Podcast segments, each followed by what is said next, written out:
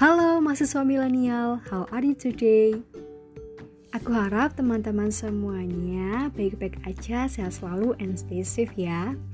Pada kesempatan kali ini, kenalin aku Rahilita Cindra, mahasiswa Universitas Negeri Malang, S1 Pendidikan Sosiologi, akan menjelaskan tentang perbedaan sumber belajar dan media pembelajaran.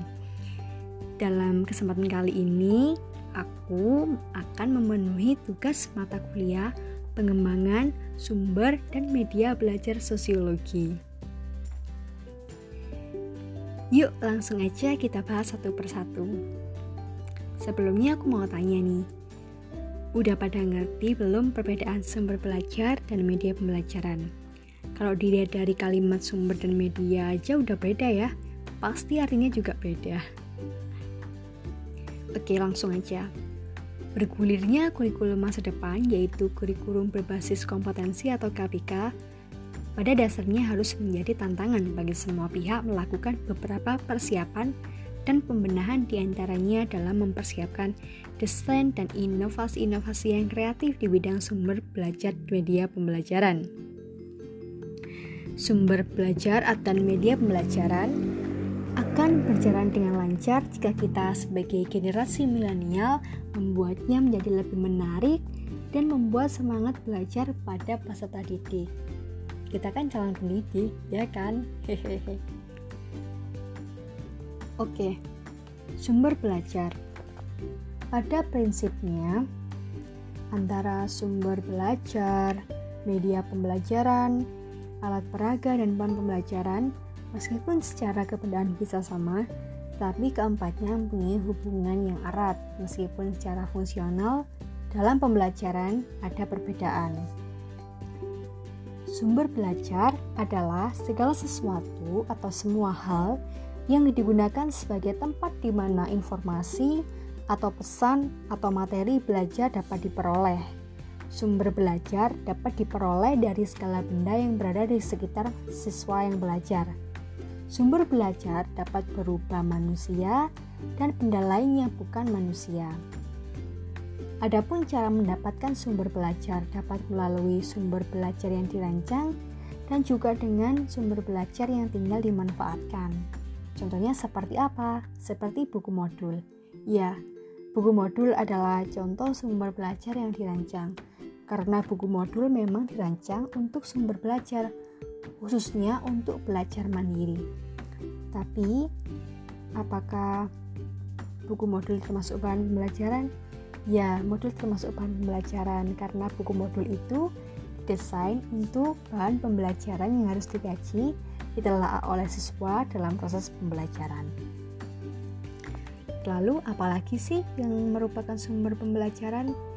Contohnya kita ambil dari kehidupan sehari-hari kita. Misalnya, kita akan memasak ayam.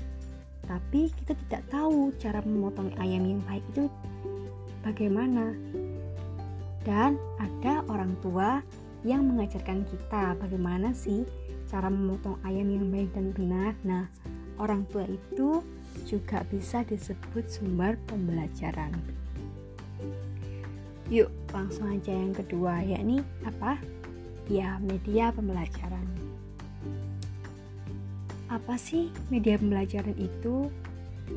Oke, kata media berasal dari kata medium yang berarti perantara atau pengantar dalam menyampaikan pesan komunikasi. Jadi, media pembelajaran adalah segala bentuk perantara atau pengantar penyampaian pesan dalam proses komunikasi pembelajaran. Papan tulis yang ada di ruang kelas kita pun dapat berperan sebagai media pembelajaran. Kenapa? Karena sering digunakan guru menjadi perantara dalam menyampaikan pesan-pesan bidang studi yaitu kadang juga sering digunakan menyajikan materi seperti matematika, IPA, IPS, bahasa, PPKN, dan lain sebagainya. Media pembelajaran juga bisa berupa VCD, berupa sesuatu yang kreatif mungkin website dan lain-lain itu juga menjadi media pembelajaran. Nah, kita sebagai mahasiswa milenial, apalagi yang calon pendidik, harusnya memiliki pengetahuan yang kreatif dan inovatif untuk membuat media pembelajaran yang menarik para peserta didik agar mereka nyaman dalam pembelajarannya. Kita sebagai calon pendidik pun juga masih perlu banyak belajar. Karena apa? Karena kita harus menyesuaikan sesuai teknologi perkembangan saat ini. Kalau kita tidak menyesuaikannya, nanti para, peserta didik kita tidak akan mencapai kompetensi belajar yang kita inginkan.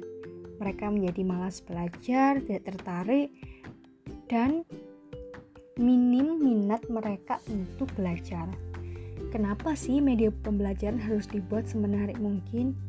Ya karena agar peserta didik kita nanti bisa menerima materi dengan baik sehingga mereka bisa mengaplikasikan materi-materi yang kita berikan ke kehidupan sehari-hari.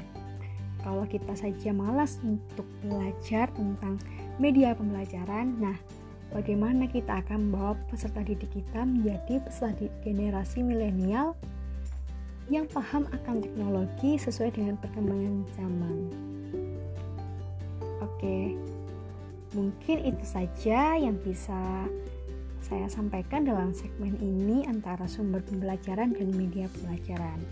Saya harap kita sebagai calon pendidik semuanya bisa menerapkan sumber belajar maupun media pembelajaran yang kreatif, inovatif sesuai dengan perkembangan zaman agar para peserta didik kita nanti nyaman dalam proses kegiatan belajar mengajar.